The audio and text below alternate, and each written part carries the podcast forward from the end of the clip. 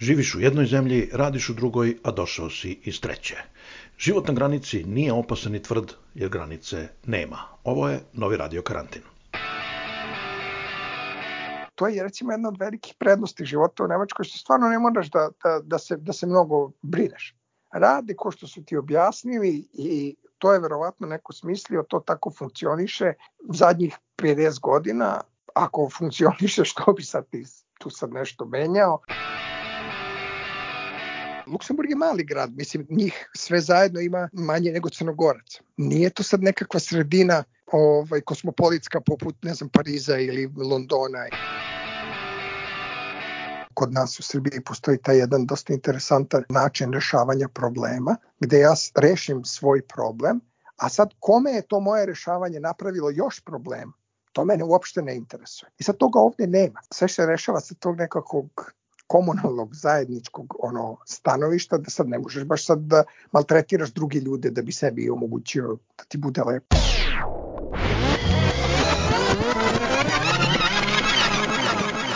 Radio Karantin. Dobrodošli u novi Radio Karantin, ja sam Aleksandar Kocić i danas je moj gost Tibor Jona, pančevac koji živi u Nemačkoj, a radi u Luksemburgu. Razgovaramo o životu u rodnom mestu Karla Marksa, o malom i bogatom Luksemburgu, o nemačkim pravilima, ali i o kineskim turistima.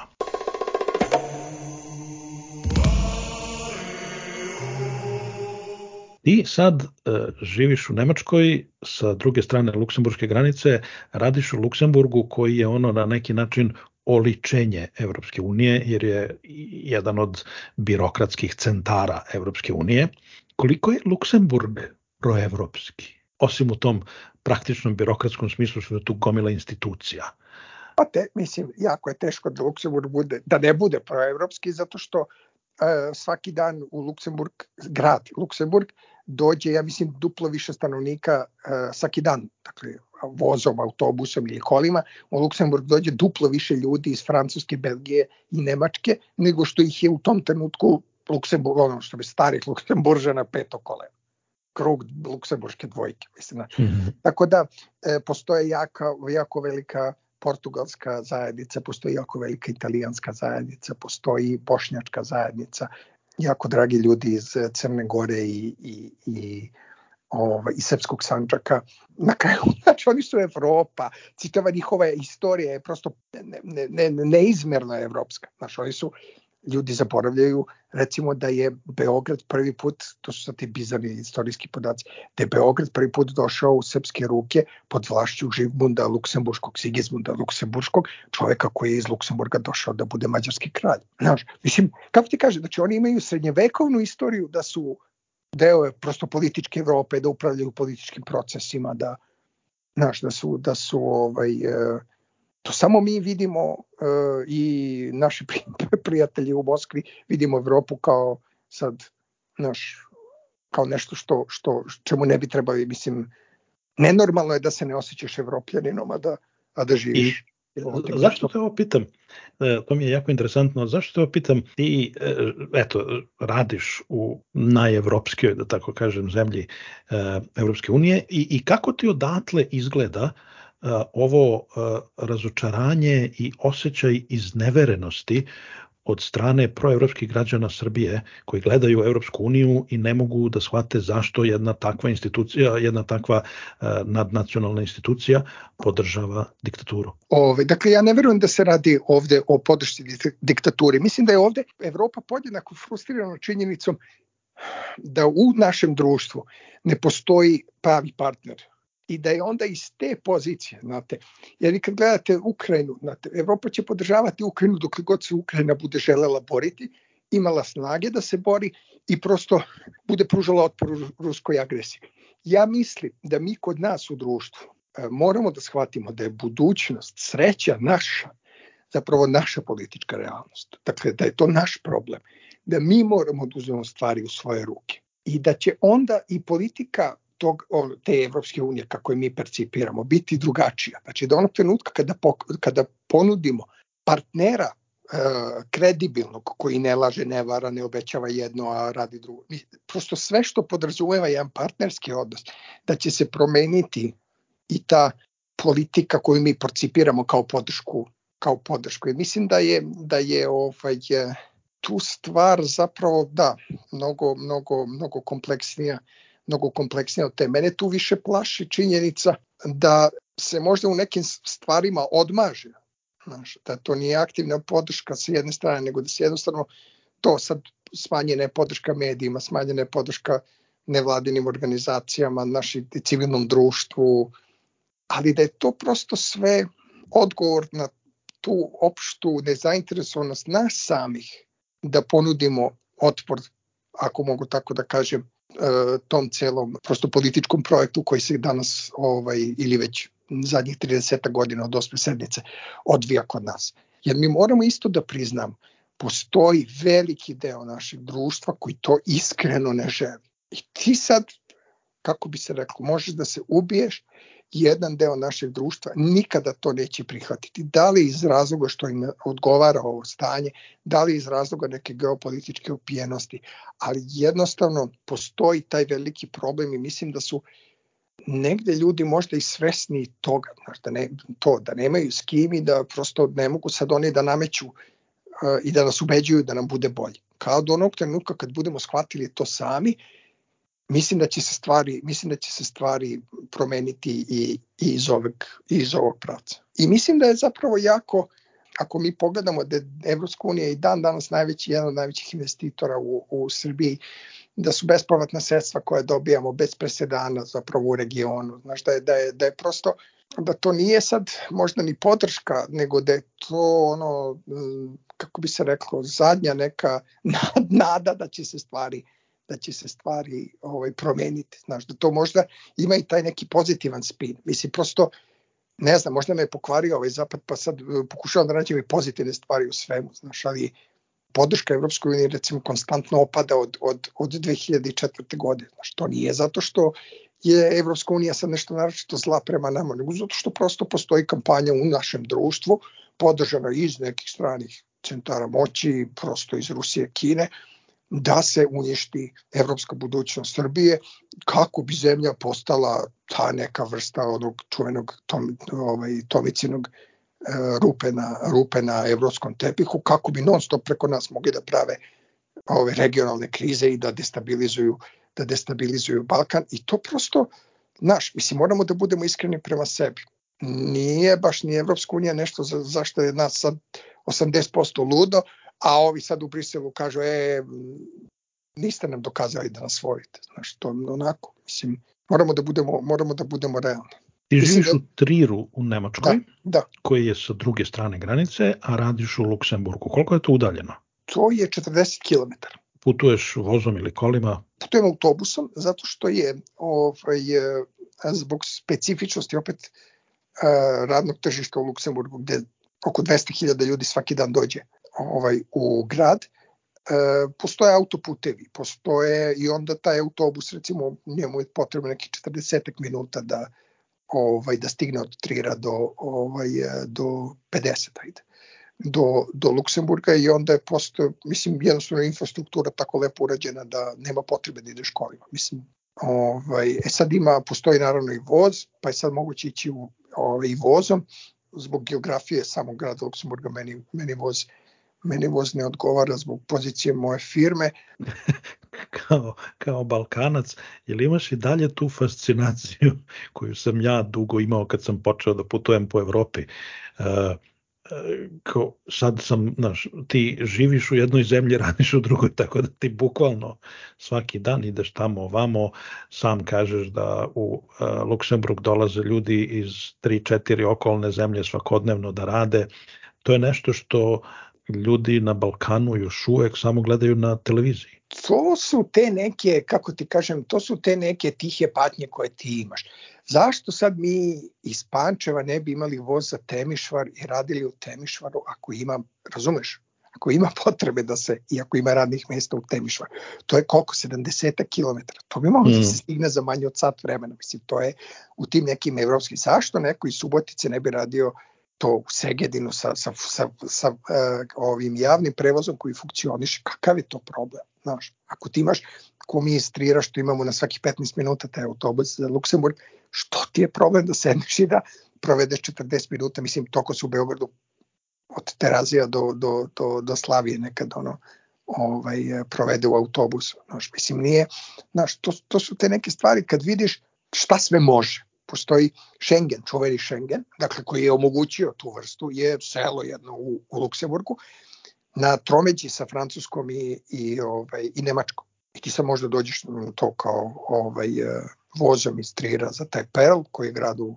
Schengenu u Nemačkoj, pređeš most, ti si u, ovaj, u Luksemburgu, pređe drugi most, ti si u Francuskoj, ovamo ideš na ručak, ovamo ideš u kupovinu i onda se vratiš kući i bio si u tri zemlje i sad, znaš, koliko postoji ovaj, koliko postoji takvih ono sredina gde bi to vrlo lako moglo da se uredi i da stvarno ljudi ono putuju normalno, znaš, kao i da idu, samo da nije, da nije te potrebe da se Balkan drži kao to ovaj, plemenska zajednica u, u, u konstantnom uh, strahu od, od, od komšiluka. Ja sam bio u Luksemburgu pre nekoliko godina, pošto imamo tamo prijatelje koji su uh, rođeni Luksemburžani i onda oni kažu da je Luksemburg, tačno tako mi je nekako izgledao, uh, jako lepo, uređeno, uh, bolesno skupo za nas koji nismo odande i kažu oni jako konzervativno. Meni je to ostalo u glavi kao jedan paradoks da sredina u kojoj ima toliko stranaca i u kojoj ima toliko ljudi iz cele bar Evrope s obzirom na to da su tu silne evropske institucije da istovremeno kažu ljudi da su lokalci jako konzervativni. Jel imaš ti taj utisak? Ima, ne, ima, ja sam čuo jednu jako zanimljivu anegdotu da je u vreme kada se formirala Evropska unija u onim svojim prvim, prvim danima, E, da je postojao zapravo da je postojala ideja da se sve institucije Evropske unije, dakle ono što je danas u Briselu i ono što je danas u Strasburu, da se to sve e, napravi u Luksemburgu, jer je Luksemburg u to vreme bio i tamo dovoljno nemački da zadovolji Nemce i tamo dovoljno francuski da zadovolji Francuzi i tamo ni jedno ni drugo da zadovolji ove ostale Holandiju i Belgiju. Međutim, e, da se tome usprotivila kato, lokalna katolička crkva, jer nije želela da sad to bukvalno dolaze ljudi iz cele Evrope da žive da žive u, u, u, Luksemburgu i da je zato zapravo jedan deo naših problema koji imamo u Evropskoj uniji sa tom, e, kako bi se reklo, razdvojenom ovaj, razvojenim institucijama u po Strasburu, Briselu i, i, i Luksemburgu, zapravo i deo, deo rezultat te anegdote. Sad treba uzeti sa, sa malo zadrške, ja ne znam sad baš da li je to tako, ali ispričali su mi lokalci, tako da eto, verujemo da je, da je, da je istina. E, to je, e, Luksemburg je mali grad, mislim, njih sve zajedno ima e, manje nego Crnogorac.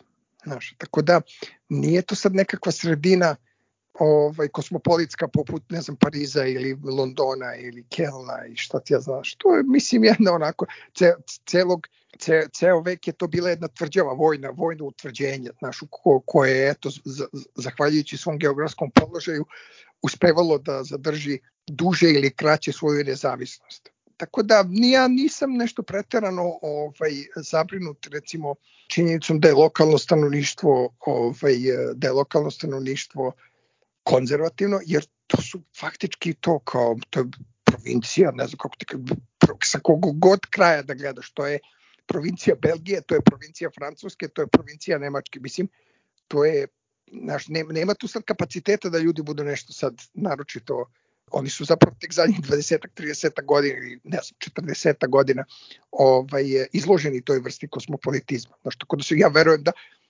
znaš, sad, kad bi ti sad u nekakav u nekako malo veće pančevo, znaš, krenuo sad da dovlačiš jedan put 400.000 ljudi, mm. znaš, ja mislim da, ne znam, mislim, znaš, da je, da je ne, negde je taj otpor je normalan, znaš.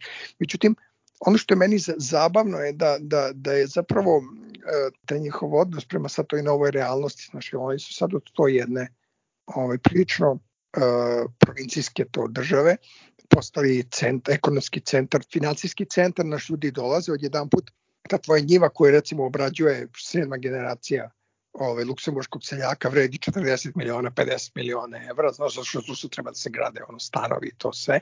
Tako da oni ovaj, na jako interesantan način, recimo, po mom mišljenju reaguju, znaš, na, na, na te sad e, nove životne okolnosti. Znaš, da je to dosta onako zanimljivo kako oni preko noći postaju milioneri. To je recimo u Luksemburg je grad sa najviše Range Rovera po glavi stanovnika na svetu. Kako se um, dosta beogradski odnose prema svojoj staroj arhitekturi, kako se to dosta ruši da bi se napravilo mesto za još starova, jer svaki stan je baslaslovna nova suma novca, znaš, na mesečnom nivou i tako. Mislim, znaš, imaju, ovaj, e, verovatno oni imaju nekakvu ideju kako bi to sve trebalo da izgleda, ali mislim da negde duboko znaju da onda ne bi bilo svih tih miliona i sve, sve te socijalne ovaj, e, socijalne prosto socijalnog prosperiteta koji koji očigledno koji očigledno postoji. Imao sam priliku da da odem i u Trir. E, to je jedno predivno idilično mesto, rodno mesto jel da Karla Marksa i, i rimski grad. Kakav je tebi život tamo? Pa udoban. To je, to je ja mislim, udoban i miran. Dakle, ovaj, lišen, lišen bilo, čije, bilo čijeg maltretmana, jedan život u kojem ne zna se neki red kad se rade stvari, šta se radi, šta se ne radi. Prosto svi, svi pristaju vrlo voljno na taj, na taj način života, što je meni fantastično interesantno. Kad se bacaju flaše da ne bi uznemiravale okolne stanovnike, kad se baca i gde se baca to smeće, e, šta se radi nedeljom, šta nikako ne sme da se radi nedeljom, koliko puta smeš da, upi, da, da upališ roštilj u vreme vikenda, Znaš, tako neke udobanje, eto, to je naj, najkraće što bi ja mogu da kažem je da je to jedan ono vrlo, vrlo, vrlo udoban život, a zahvaljujući sve bolju infrastrukturi koja se stvarno ovde razvija od kako sam ja došao, je sve više i više onako otvara mogućnosti, ne znam, sad nama sad za Pariz treba tri i po sata da stignemo do Pariza. Pariz nam je sad bliže od, od, od, od Berlina, tako da, ovaj, ali dobro, to je sad malo i normalno zbog geografije, ali mislim, znaš, tako da možeš svašta sebi da, da, da omogućiš ako imaš ono mašte, iako znaš šta bi radio sa sobom, možeš da, ovaj, e, možeš da vrlo lako organizuješ život, kažem ti da ne zavisiš od, od samovolje drugih. Znaš, mi imamo o, kod nas u Srbiji postoji taj jedan dosta interesantan, dosta interesantan način rešavanja problema, gde ja rešim svoj problem, a sad kome je to moje rešavanje napravilo još problem, to mene uopšte ne interesuje. Ja sam svoj problem rešio, a to kako je drugima, to me baš briga. Znači, onda ti imaš čoveka koji stane da izađe pet minuta e, da kupi nešto i on je svoj problem rešio, a tu sa što je on stao na šine, pa je 15 onih tramvaja čekalo, pa to nema nikakve veze. To mogu ljudi da se strpe, valjda, znaš, najbitnije je da rešiš svoj problem. I sad toga ovde nema, znaš, sve se nekako, sve se rešava sa tog nekakvog komunalnog zajedničkog ono stanovišta da sad ne možeš baš sad da maltretiraš drugi ljude da bi sebi omogućio da ti bude lepo i to je dosta onako umirujuće, lepo je, ne znam kako ti kažem. Koliko je lako ili teško navikavanje na to kad dođeš iz sredine kao što je Srbija? Teško je, teško je. Ja neću da, ja neću da kažem posebno zato što je Trier jedno malo mesto u kojem sad to nije, nije to Kjell Minhen ili ne znam Stuttgart, a, teško je zato što trebaš da, trebaš da pohvataš sve te cake. Kada se koje đubre izbacuje, gde se koje, znaš, te neke stvari koje obično ti sad nemaš, znaš, neko mora to da ti pokaže. Šta radiš sa, sa flašama, šta radiš sa ovim, šta radiš sa ovim, gde se traži dozna. Imam dvorište, pa sad kao, prvi, sećam se prvi put sam počistio lišće u dvorištu, pa sam teo da ga palim, pa me komšinica kao saseća, pa se me pitao, je to ovde normalno, ko mogu da čovječ, si normalno, mislim, znaš, ovaj, postoji gomila tih nekih stvari koje su kod nas normalna, normalne kao akcija, ako, za koju ovde ne znaš da bi završio na psihijatriji ili u zatvoru. Znaš. Tako da ovaj, e, moraš da nađeš nekog da ti pokaže te osnovne, kako bih rekao, komunalne probleme kako da rešavaš. Pa recimo da mora neko da ti pokaže gde se ide po te žute kese, jer ako džubre u žute kese neće da ga nosi. Ostaviti ga ispred vrata i kao šta hoćeš, mislim, mi ga ne nosimo.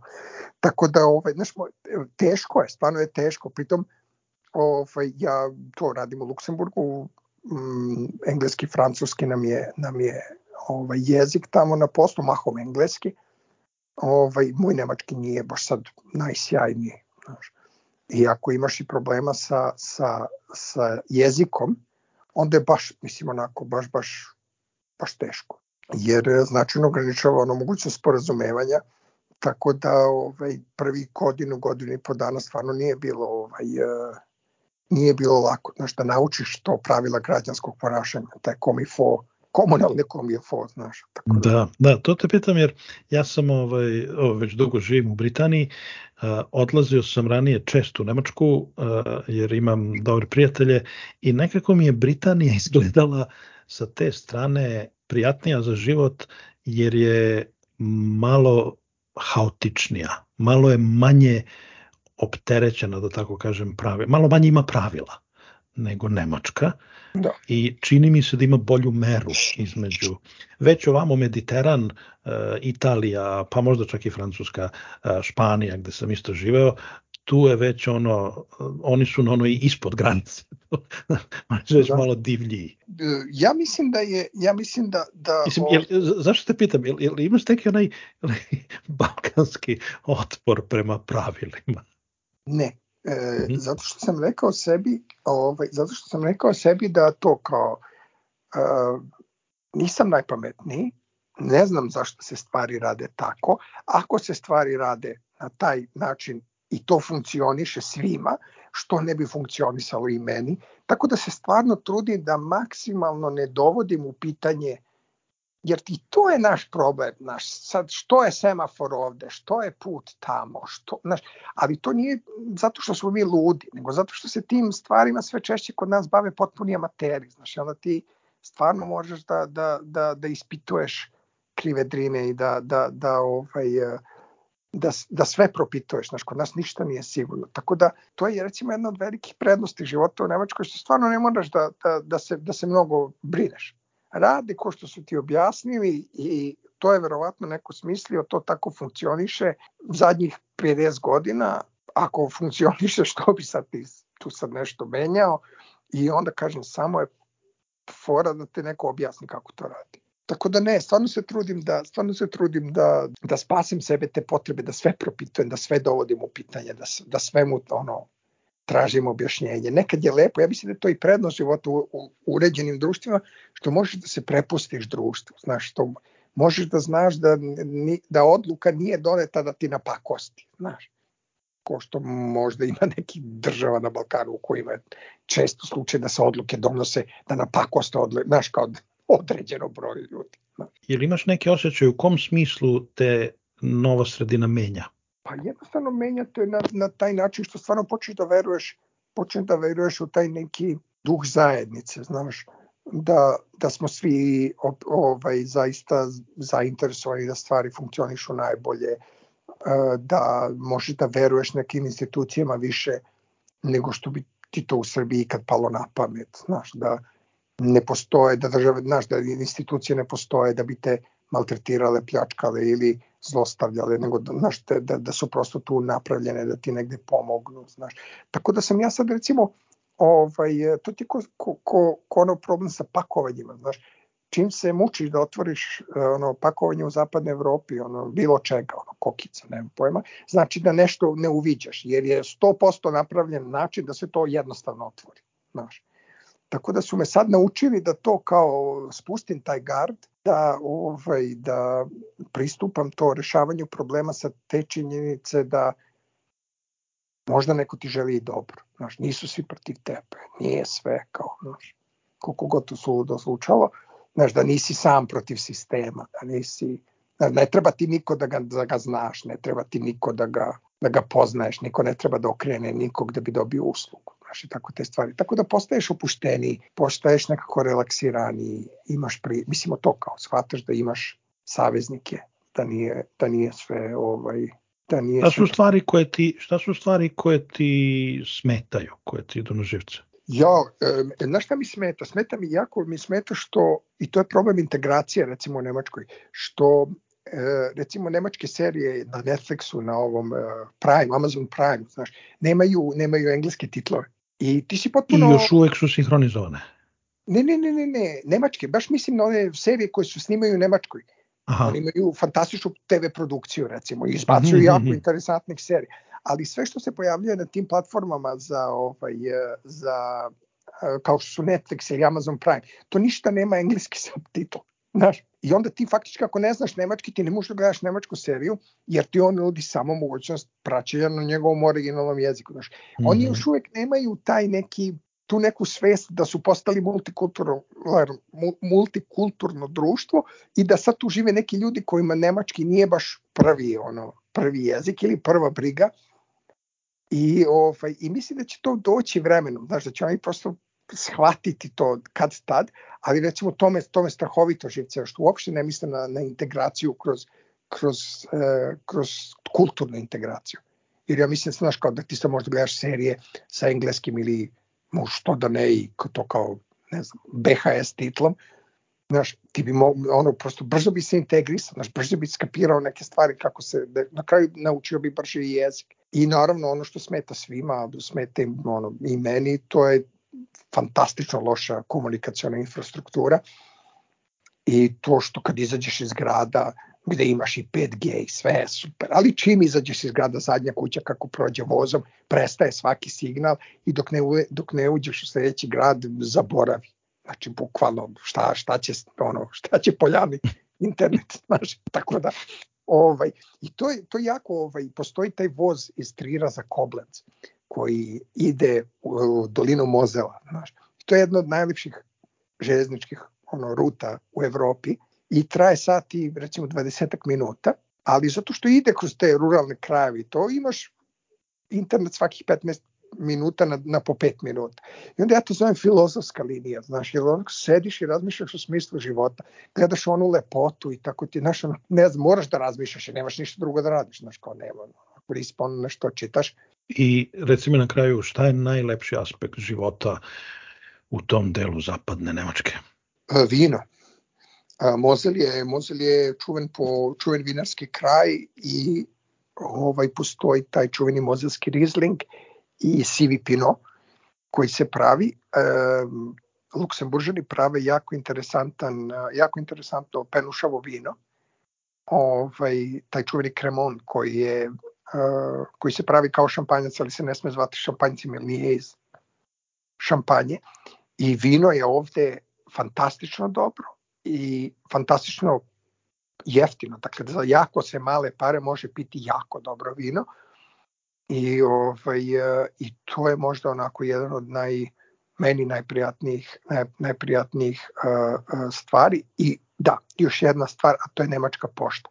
Znači, koliko im je internet loš, toliko im je pošta dobra, znači šta god poručio iz bilo kog dela Nemačke tu je za dva ili tri dana maksimalno. Znači to je neverovatno. Tako da ono, jako je teško biti željan bilo čega. Ja se sećam, to mi je ostalo, kad smo ovaj, se šetali kroz Trier, pa smo došli do, do Marksove kuće i onda tu ima i ona prodavnica suvenira gde se svakakvi kičaraji mm. prodaju i, ovaj, i, uvek, i onda sam video i, i vino o kojem pričaš sa nekakvim Marksovim likom i rekao šta bi sam Karl Marx rekao o ovome I, ovakvoj komercijalizaciji ideologije i ideja. Znaš, znaš šta je vrhunska osveta kapitalizma Karlu Marksu ovde u Triru? Što postoji to jedno pekarsko preduzeće, to nekakav ratar, trirski ratar.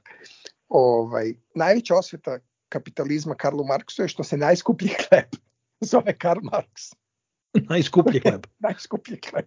To je nekakav hleb od 4,5 evra, 5 koliko i ovaj od nekakvog divljeg semenja i baš ono što bi se reklo nedostupan radnoj, radnoj, radnoj klasi. Tako da da, ima tih uh, suptilnih i triri jedna jako konzervativna sredina, tako da ima tih suptilnih ovaj, uh, suptilnih osvetica Karlu Marksu, ali ono što je uh, jako interesantno je količina kineskih turista koja dolazi u Trier, ne toliko da bi gledala bogato rimsko to ovaj, kulturno nasledđe, koliko da hodočaste i Marksovoj rodne kući. Tako da je faktički svaki dan možete da vidite ono autobuse kineskih turista koji dolaze da, da obiđu Jedna od prvih stvari, jedna od prvih stvari koje sam ja uradio kad sam stigao u London pre 30 godina bila je da odem na ovaj groblje Highgate na Marksov grob. I onda me tu spopao američki novinar koji je ovaj, pravio reportažu za neku radio stanicu i čekao, tako spopadao ljude koji dođu da, da obiđu Marksov grob, pa me pitao, a odakle si, rekao, iz Jugoslavije, a ti si sigurno došao da mu pljuneš na grob. Rekao, bož sačuva. Ovaj, da. ja sam došao da se poklonim. Pa mislim ima, da, ima, ima svega, ima i ta priča o tome. E, Kina je poklonila Kina je poklonila gradu Triru dosta veliku ovaj, statu Marksovu. I postojala je jako, velik, jako veliki problem u gradu da, gde, da ga, gde da postave sa toliko statuetinu, a da ne provocira lokalno ovaj, kapitalističko konzervativno stanovništvo, puk, pa su onda ovaj, našli dosta lepo solomonsko rešenje ovaj, u nekakvom zapećku pri glavnom trgu gde baš moraš ciljano... Mislim da, da sam video, to je na dnu da. nekih stepenica. Jeste, jeste, ako baš ne kreneš tamo, a u centru. Znaš, nemaš da, da, da, prošao sam tu da slikao sam se i to je stvarno ogromno, ogromno. Da, da, da. Ne, ne, pa to kinezi kad rade to ne može da bude malo, ali, ovaj, ali mi je, znaš, i to je sad recimo jako indikativno je i to što, znaš, uvek postoji neko rešenje gde, ne, znaš, gde ti sad ne vređaš nikoga. Znaš, kao, gde, gde kao možemo da nađemo neko rešenje gde su svi zadovoljni. Znaš, to mi je, to mi je isto dosta slatko. Znaš, ali da, taj ceo spomenik je to zdudan tu i ne, ne smeta nikom, ne vidi se baš najčešće. Ako si u triru, a za ove što su došli da ga vide, mogu da ga vide bez problema, jer to opet u centru. Radio Karantin. Bio je to Tibor Jona u Triru u Nemačkoj. Ovaj podcast za vas prave dvoje veselih emigranata Jelena Fiser u Holandiji i ja, Aleksandar Kocić u Škotskoj. Oboje vam želimo srećnu novu godinu i čujemo se ponovo u januaru. Gde god da ste našli naš podcast, ostavite nam ocenu ili komentar. Na taj način pomoći ćete i drugima da nas nađu. Bićemo vam veoma zahvalni ako možete da nam pomognete i donacijom. Link i informacije su na našem sajtu radiokarantin.eu. Hvala vam što nas slušate. Pozdrav iz Glazgova.